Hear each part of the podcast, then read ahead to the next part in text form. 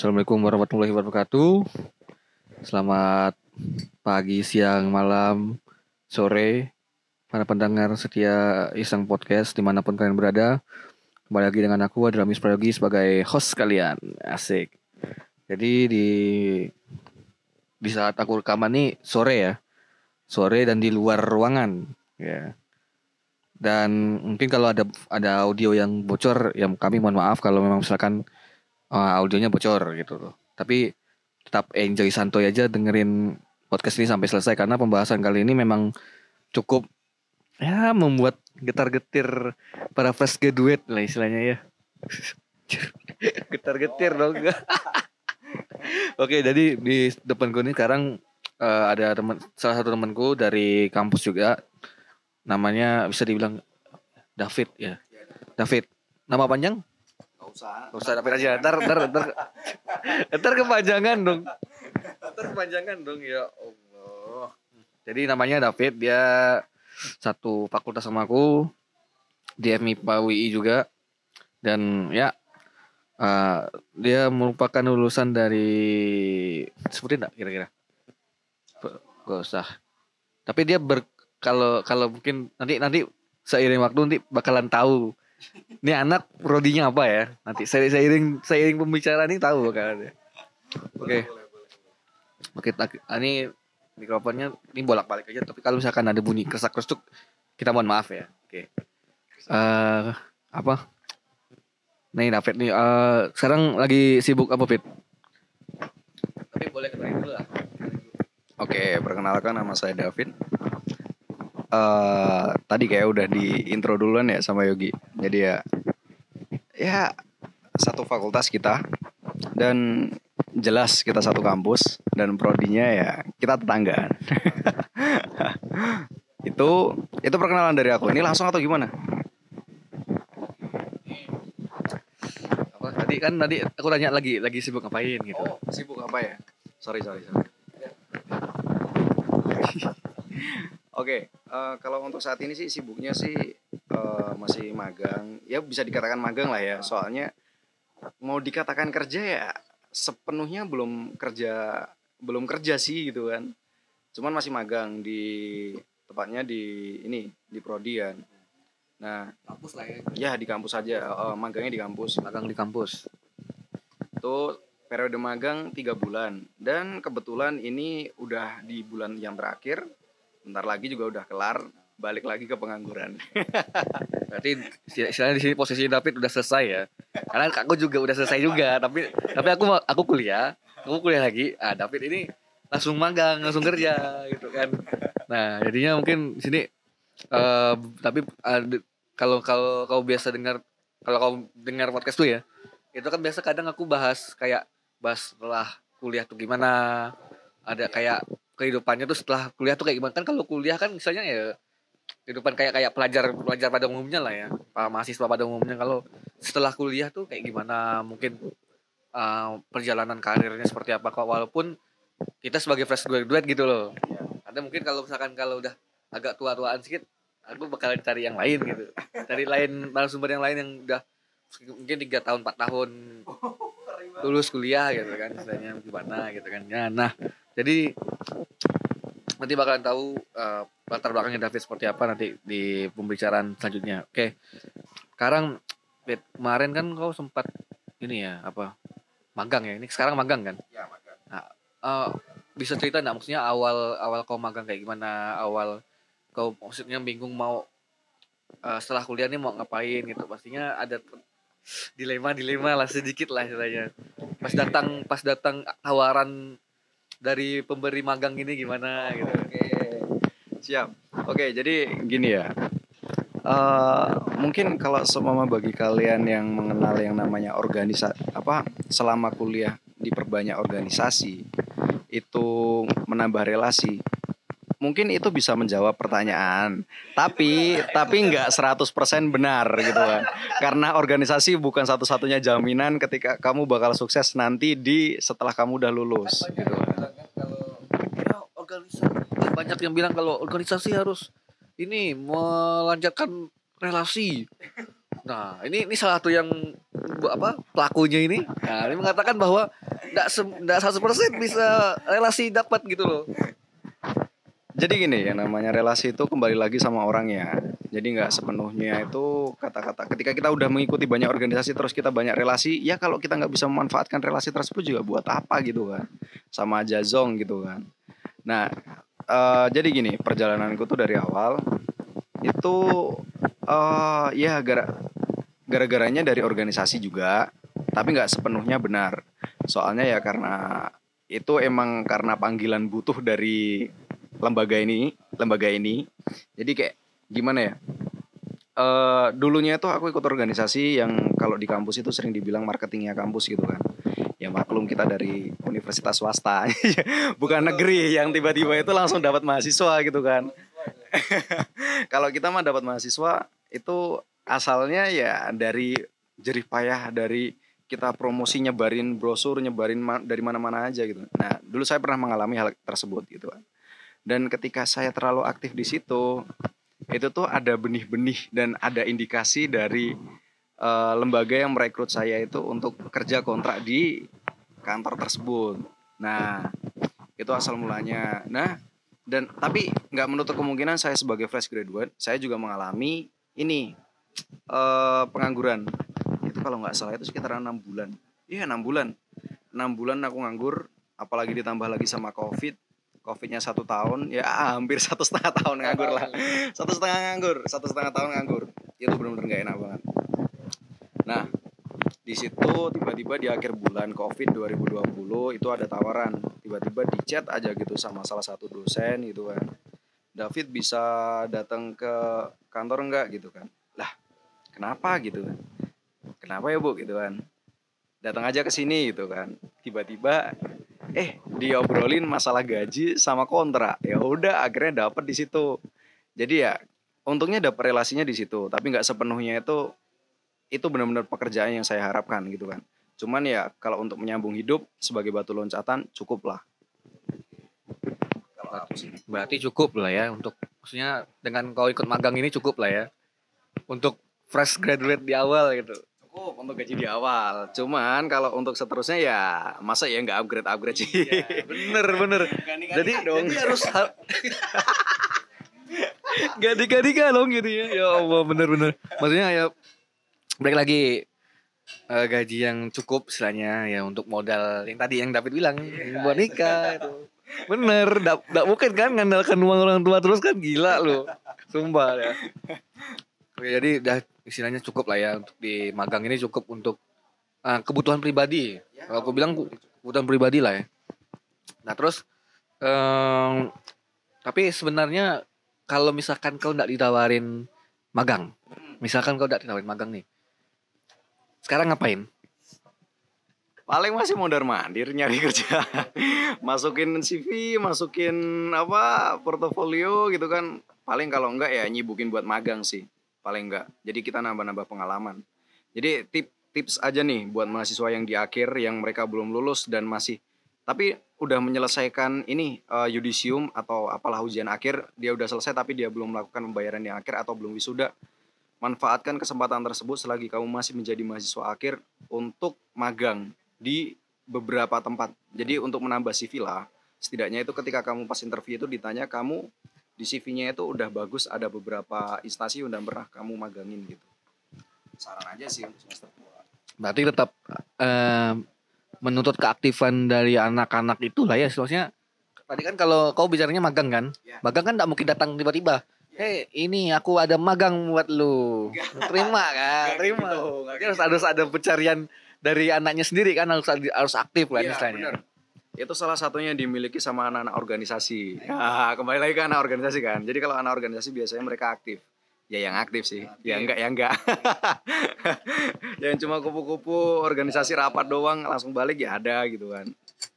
Tapi kalau semuanya aktif ya sebisa mungkin manfaatkan ya ketika kamu udah punya relasi banyak, ya manfaatkan relasi-relasi tersebut lah gitu kan. Sedikit-sedikit uh, menyelam sambil cari pengalaman bukan minum susu.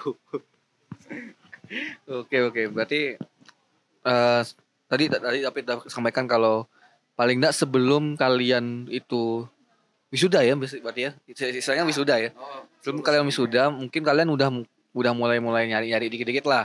Kecuali kalau kecuali kalau kalau kalau kalian habis kuliah satu ya mau misalkan mau lanjut lagi ya monggo gitu kan silakan.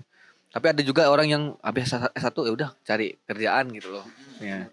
Jadi nah, tadi manfaatkan relasi sebaik-baiknya lah karena memang dituntut untuk aktif gitu. Nggak bisa pekerjaan nggak bakalan datang tiba-tiba kayak paket gitu. Paket datang gitu kan nggak mungkin gitu. Ya, pekerjaan datang gitu kan. Emang mereka bayar. Kalau orang dalam mungkin bisa. orang dalam bisa kayak gitu. Seriusan. Nggak bohong aku. Kalau orang dalam kan tinggal bayar. Dan tiba-tiba kerjaan kamu masuk, Oh, ayo bener, gitu. Bener bener jadi emang gitu. bener bener jadi kalau tadi yang gue bilang kayak bilang paket gitu ya paket paket itu kan bayar kita kan sebelum datang paket itu kan ya udah kayak orang dalam aja Tapi orang dalam bukan jadi solusi salah satunya ya. Tapi kalau semua kamu mempunyai potensi tersebut, kamu menggunakan jalur orang dalam, menurutku halal. Menurutku pribadi loh ya. sesuai potensi kan Iya, jadi Iya. nggak nggak menurut. Tapi kecuali kalau semua kamu nggak punya potensi di hal tersebut dan kamu memaksakan diri masuk di hal tersebut, kamu menggunakan orang dalam itu yang salah. Jadi orang dalam itu benar, tapi pada porsinya, bukan pada bukan asal tempatnya gitu loh. oke Ah, by the way kan apa tadi kita bicara nyinggung orang dalam ya. Nah si David nih sebenarnya nanti background backgroundnya ketahuan nanti. Nanti se- setelah ini kan setelah apa ya setelah dia lulus kan dia direkrut sama eh, lembaga ini lembaga itu gitu kan. Nah sebenarnya terus ada sebenarnya aku tadi sebelum tag nih coba aku tanyakan ke dia kan ke David kan David apa kamu apa kamu kamu kamu udah ngambil magang gitu ah magang di bukan bukan di lembaga itu tapi itu honor di mana gitu Ah, ah, sesuai sama jurusanmu sekarang gitu loh. Nah, kenapa kamu nggak nggak nyari honor, nggak nyari magang? Apakah kamu nggak ada orang dalam atau gimana gitu?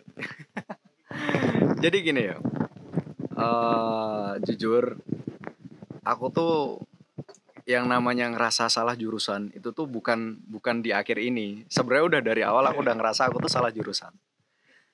eh sedikit keluar aja ya, jurusanku tuh sebenarnya itu sebenarnya baik dan itu sebenarnya bisa jadi menantu idaman juga, promosi juga, sorry. jadi gini, eh dan dulu tuh aku ngerasa ya udahlah aku stay aja di sini karena aku ngerasa kayaknya peluang yang namanya PNS itu masih ada. Iya. Tuh ya. Jadi keluarnya masih berkaitan sama PNS. Cuman untuk saat ini itu ternyata dibatasi ya karena ulah PNS PNS yang lama juga sih, tapi ya rumornya gitu karena ulah PNS PNS. Tambahkan, tambahkan oknum. Ah, ya karena ulah beberapa oknum yang dinilai sama pemerintah sih tapi nggak tahu itu oknum yang mana tak. Itu cuma asumsi aja. Jadi jangan dijadikan sebagai data. eh jadi gini, kenapa aku nggak ngambil eh kerjaannya sesuai sama porsiku? Aku nggak ada passion sama sekali di bidang ter- hal tersebut. Aku jadi gini. eh kalau yang namanya kuliah kita selalu ada magang ya. Dulu aku pernah magang tiga bulan di eh, instansi yang instansi lembaga ini yang berkaitan sama program studiku. Nah, pas aku magang di situ, aku bisa yang namanya itu mengelola kelas ya udah ketahuan kelas. nah, gitu kan. Jadi aku gimana ya? Aku berhasil untuk memanajemen eh, orang-orang di situ dan apa dan siswa-siswa di situ. Cuman aku gagalnya itu dalam memberikan materi yang berkualitas untuk mereka. Jadi aku ngerasa kayak masa iya sih seorang calon guru masa iya bisa-bisanya memberikan eh, kualitas pendidikan yang setengah-setengah gitu kan. Eh, pertama aku pengen mengabdi itu dengan tulus dan pengen memberikan ilmu itu yang maksimal untuk mereka. Tapi kalau semua yang aku berikan cuma setengah-setengah kayak aku ngerasa ada sesuatu yang ganjil aja gitu. Jadi aku sedikit mengurungkan itu tapi mengurungkanku tuh bukan cuma karena itu juga. Karena aku ngerasa kesejahteraan eh, guru di Indonesia itu rendah dan aku mikir eh, jujur dari segi apa sifat borjiesku tuh aku ngerasa kayak gimana ya? Kok kayaknya dengan penghasilan segitu tuh masih kurang gitu kan? Untuk kebutuhanku gitu kan.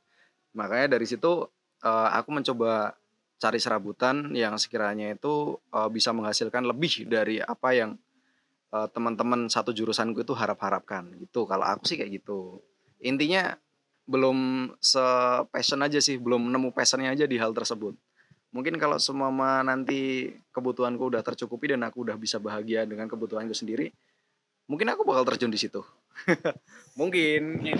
Ya, mungkin ya. Jadi kan tadi udah, udah ketahuan ya jadi dia bergerak kalau prodinya itu bergerak di pendidikan gitu. Jadinya eh tadi disebutkan kalau David bilangnya dia bagus di manajemen orangnya manajemen eh, manusianya lah istilahnya. Pada saat itu. Mm. manajemen manus- manusianya oke tapi dalam hal eh materi yang berbobotnya itu eh, tidak begitu baik istilahnya. Masih kurang lah kalau menurut dirinya. Masih kurang gitu. Nah berbicara ter- terkait itu tadi itu kan masih menyenggol dengan PNS PNS tadi. Di tahun ini nih kalau nggak salah kalau nggak salah lagi udah bener. Kan berarti yang pro yang PNS yang eh, sejurusan dengan David you know lah mungkin para pendengar udah tahu udah tahu lah ya. Nah itu tidak ada lagi tidak dibuka. Kena ada atau dibuka? Tetap dibuka. Cuma statusnya itu bukan PNS tapi P3 apa itu kepanjangannya? Lupa aku. Pokoknya ba- panjang lah gitu kan P3 lah. Pegal pegawai P3K enggak sih? Ya P3K pegawai dan pegawai kon kayaknya tuh kontrak pokoknya. Udah sip. Kok eh, si intinya tuh pegawai kontrak lah kalau kalau kasarnya ya.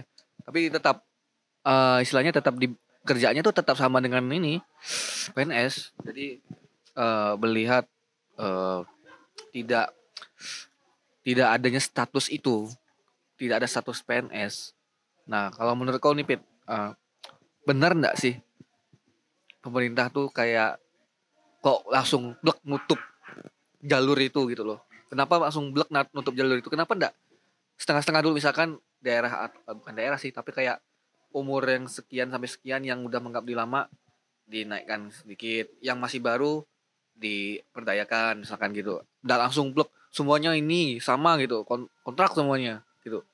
Oh, enggak sih. Sebenarnya gini kesejahteraan antara PNS sama P3K itu sebenarnya sama. Menurut yang udah aku baca loh ya. Tapi sorry mungkin informasinya setengah-setengah gitu kan.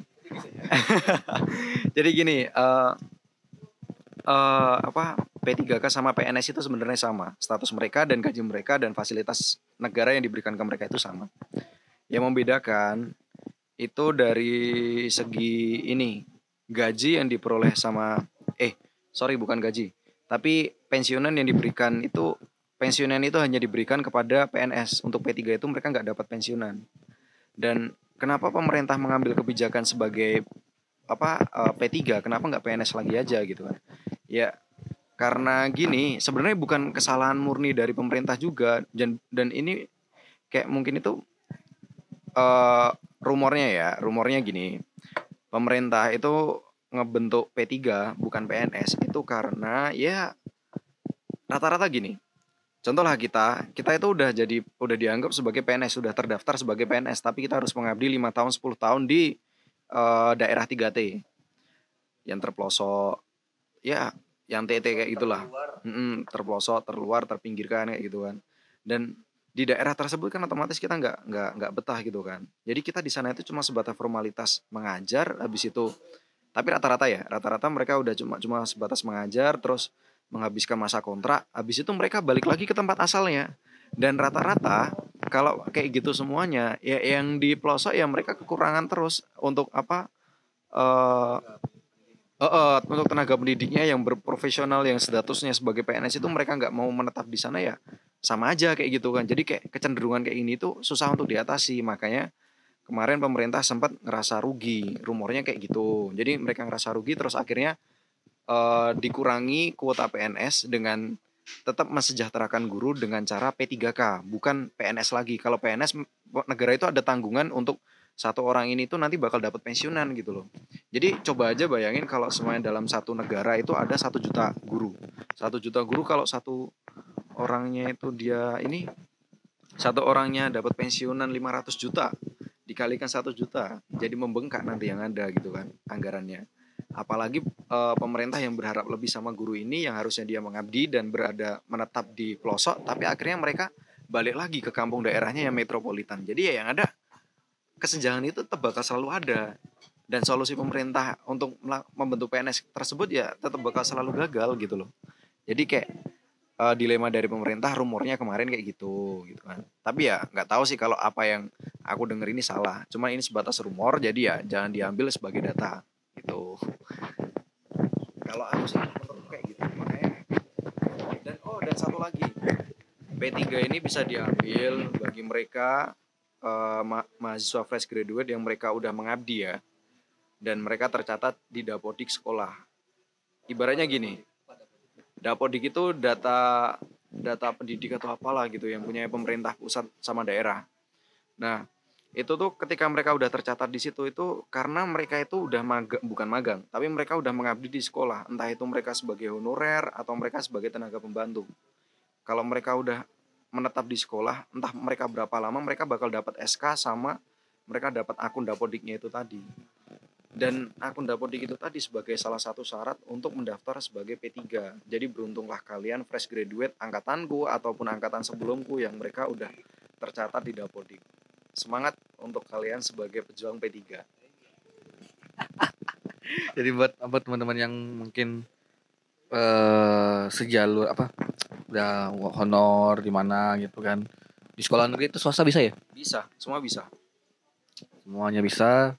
Nah, beruntunglah kalian yang punya ini punya tiket buat ini buat P3 itu jadinya eh manfaatkanlah. Kalau misalkan ada kesempatan coba ya kalau memang misalkan tadi kan sempat aku tadi pas eh yang tadi ya masalah PNS itu di kayak diganti dengan P3 itu kan sebenarnya di di awal tuh aku udah mikir ini kok pasti ini gara-gara orang-orang yang PNS PNS oknum PNS yang di eh, tiga daerah 3T itu tuh ndak sebenarnya ndak ndak nyaman dengan penempatan itu gitu loh. Jadinya eh, apakah ini salah pemerintah juga, salah orangnya juga? Ya aku juga ndak bisa ngejat sih, tapi se sepenglihatanku di di daerahku sendiri ya. Contohnya di daerahku sendiri di daerahku sendiri itu eh, guru-guru yang di luar di kampung lah istilahnya di kampung-kampung kan memang akses di tempatku kan aksesnya tidak begitu baik lah di- dibanding di sini ya. Kalau kalau di sini jalan aspal aman sebenarnya. Benar aman, aspal tuh aman. Di sana jalan udah becek, udah lembek ya, kayak udah tanah semuanya kan. Mau masuk juga kalaupun ada aspal, ndak ndak ndak full sampai desanya gitu loh. Paling cuma seberapa berapa persen gitu.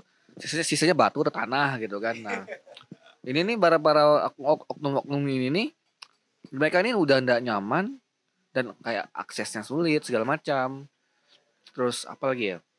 Banyak yang memang masih kurang gitu loh. Nah, makanya mereka udah ya udah aku udah ngabdi berapa tahun, ya udah aku pulang ke kota. Nah, saat udah terpenuhi ya udah mereka biasanya pada balik gitu. Ngejarnya pada balik. Nggak ada yang ber ya mungkin ada satu dua yang mereka punya panggilan hati dan mereka itu pengen benar-benar mengabdi oh aku ditempatkan di sini. Mesti ada alasannya gitu kan. Ya udahlah aku dengan sepenuh hati aku bakal mengabdi di sini hidup di sini dan matiku bakal di sini gitu kan. Jadi mereka benar-benar mengabdi. Itu yang benar-benar panggilan dari hati. Itu bagi mereka. Cuman eh itu cuma sebagian kecil dari beberapa PNS yang mereka mengabdi tapi mereka cuma untuk memenuhi kontrak doang. Jadi ketika kontrak mereka udah terpenuhi dan mereka bisa balik ke daerahnya mereka masing-masing ya mereka bakal balik gitu kan. Jadi nggak menutup kemungkinan. Soalnya ya eh gimana ya di mana pun kamu berada senyaman senyama, senyaman mana pun kamu di ma- di mana pun kamu berada tetap nyaman kalau di rumah sendiri. Itu pepatah udah lama sih tapi ya klasik kalau kayak gitu terus gitu kan. Nggak bakal berkembang negara ini. Jadi yang ada ya kesenjangan terus pendidikan itu. Jadi ya sabar. Ya ke daerah. Tempat guru ya. Allah udah. Pokoknya udah ya peradu lah. Pokoknya tetap nasib nasib guru di pedalaman memang rada sulit dibandingkan dibandingkan di kalau di Jawa masih oke gue bilang. Iya. jalan mungkin masih ada beberapa yang bagus ada yang jelek tapi cukup cukup lah gue bilang. Tapi kalau di tempatku hmm jangan tanya kalian ya. Udah. Oke berarti ber- apakah ini juga harus jadi tanggung jawab pemerintah juga untuk eh mensejah mensejahterakan sih tapi mensejahterakan pasti ya. Maksudnya untuk memperbaiki fasilitas fasilitas yang ada di daerah 3T ini agar agar apa? Agar apa? Oknum-oknum PNS ini nih nyaman betah gitu loh.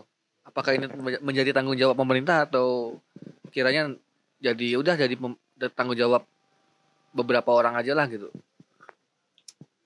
Jadi gimana ya? Kalau ngomongin fasilitas daerah ya, itu kebijakannya ranahnya bukan ke arah pendidikan lagi nih. Kalau semuanya ngomongin fasilitas pemerintah itu ya tanggung jawab dari nganulah dari pemerintah daerah masing-masing. Cuman kalau semua kita ngomongin masalah eh, apa mensejahterakan mereka yang ada di pelosok itu harusnya benar-benar harus dan ada gitu kan dan benar-benar mereka itu didukung gitu loh. Jadi nggak tetap ada perhatian khusus lah bagi mereka yang di pelosok daripada mereka yang mengabdi di kota. Kalau di kota kan mereka fasilitas sudah terpenuhi, tapi kalau yang di pelosok mereka nggak ada fasilitas ataupun perhatian khusus dari pemerintah gitu kan. Itu yang kurang kadang. Berarti memang harus apa ya harus eh, condong lah pemerintah condong ke orang-orang yang ada di, D- di D3T dibandingkan yang ada di kota gitu loh kan Ya. Jadi emang benar oh, oh, tetap harus condong ke mereka yang di daerah 3T ya. Itu benar-benar dimaksimalkan di sana. Soalnya emang jarang banget loh. Aku pernah ke pelosok. Itu cuma di mana ya? Di Madura lah. Aku pernah datang ke sana dan aku ngerasa mereka itu yang ngajar itu malah bukan guru kadang. Guru itu dalam satu daerah atau dalam satu desa itu cuma ada satu dalam satu sekolahan. Itu pun sekolahannya itu jadi satu sama pondok. Dan aku ngerasa di sana itu kayak padahal minat mereka belajar itu sampai tua dari usia dari ini yo, dari usia mereka itu dari usia kelas 6 eh dari kelas 1 SD sampai mereka itu usia dewasa mereka itu hafaz apa eh, yang namanya belajar khususnya belajar ilmu eh, agama pun mereka giat banget gitu loh. Bahkan setiap malam itu mereka ada rutinitas dan itu dilaksanakan dan dididik. Nggak cuma eh, nggak cuma yang belajar itu anak-anak doang tapi ibu-ibu bapak-bapak mereka itu jadi satu sama anak-anak melebur mereka belajar gitu loh. Aku ngerasa kayak tapi ya itu tadi kembali lagi yang namanya pelosok yang namanya aset dan apa fasilitas daerah itu ya emang kurang memadai. Orang di sana yang namanya aspal itu bisa dihitung jari gitu kan. Cuman ya itu tadi walaupun ada aspal di situ kualitas aspal nggak sebagus kualitas aspal yang ada di kota. Yang bener-bener itu jalan jalan-jalan kabupaten atau jalan provinsi gitu kan. Jadi kalaupun ada aspal ya paling ya di tengah kolam ikan gitu kan. Kalau nggak di kanan kiri itu kolam ikan, batu gitu kan. Jadi udah biasa hal kayak gitu.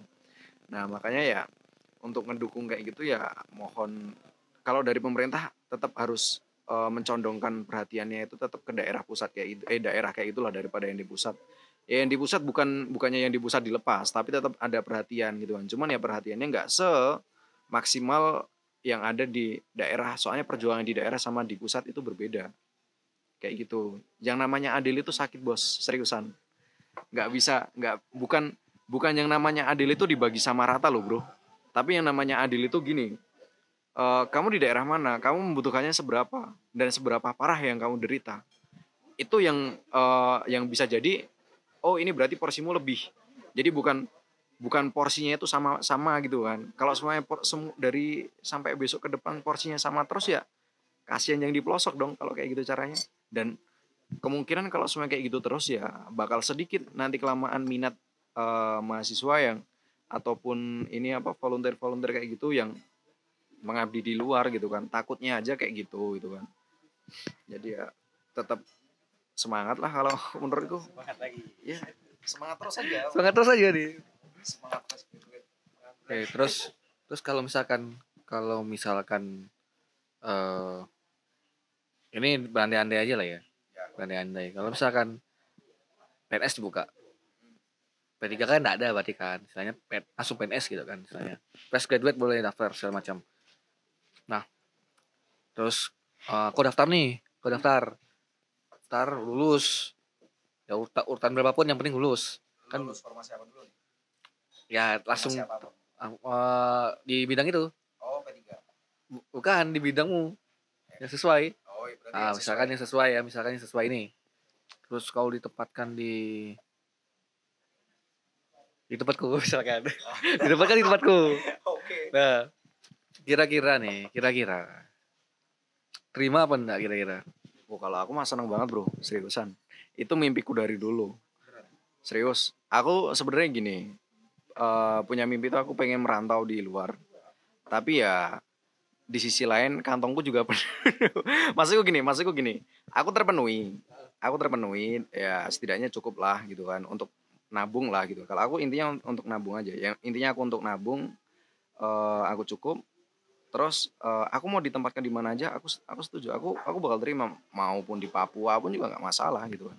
Yang penting ya kalau gajinya sepadan ya udah aku simpen gitu kan. Gaji itu untuk ya minimal untuk tabungan lah. Tabungan itu ada ya aku ambil gitu kan. Soalnya ya emang eh, itu salah satu bagian dari kontrak kalau kita udah keterima di PNS bukan cuma untuk memenuhi itu tapi aku juga pengen mengenal mereka yang lebih jauh dan mereka yang lebih membutuhkan gitu loh. Cuman ya untuk tinggal di sana butuh medi media.